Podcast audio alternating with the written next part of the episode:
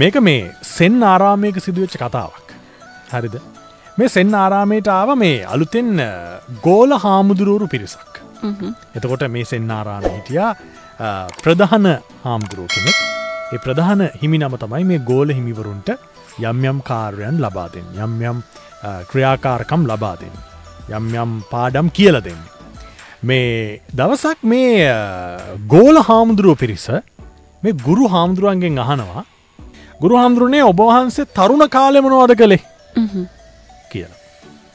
මේ ගුරු හාමුදුරුවෝ එතන් දෙෙන උත්තරේ තමයි තරුණ කාලේ දර කැපීම පන්සල්ට ජලය රැගෙනීම කෑම පිසීම ඔටික තමයි කළේ දරකපනවා පන්සල්ට වතුරාරංගෙනවා කෑමූයනවා ඔයිටික කරමින් හිටිය දැයිට පස් එතන හිටිය තව ගෝල හිමිනමක් අහනා මේ එතකොට ඔබහන්සේ ජේෂ්චත්වයට පත් වනාම මොනවද කළ ගැන දැන් ඔබහන්සේ මොනවාද කරන්නේ කියලද අනිත් අනිතය දන්නවන මේ ගුරු හාමුදුරු කරනද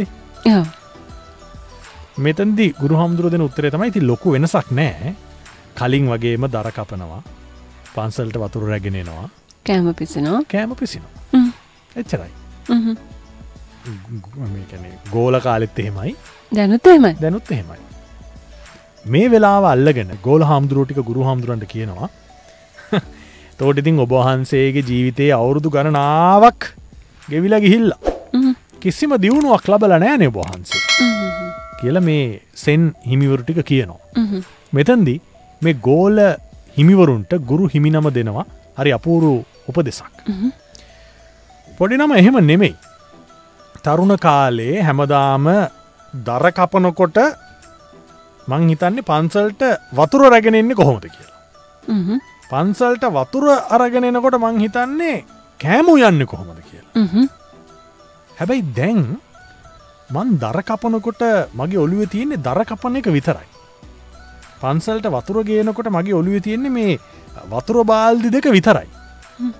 කෑම උයනකොට මගේ අවධානය තියෙන්නේ කෑම පිසීම ගැන විතරයි වෙන කිසිම දෙයක් ගැන මං අවධානයම් කරන්න.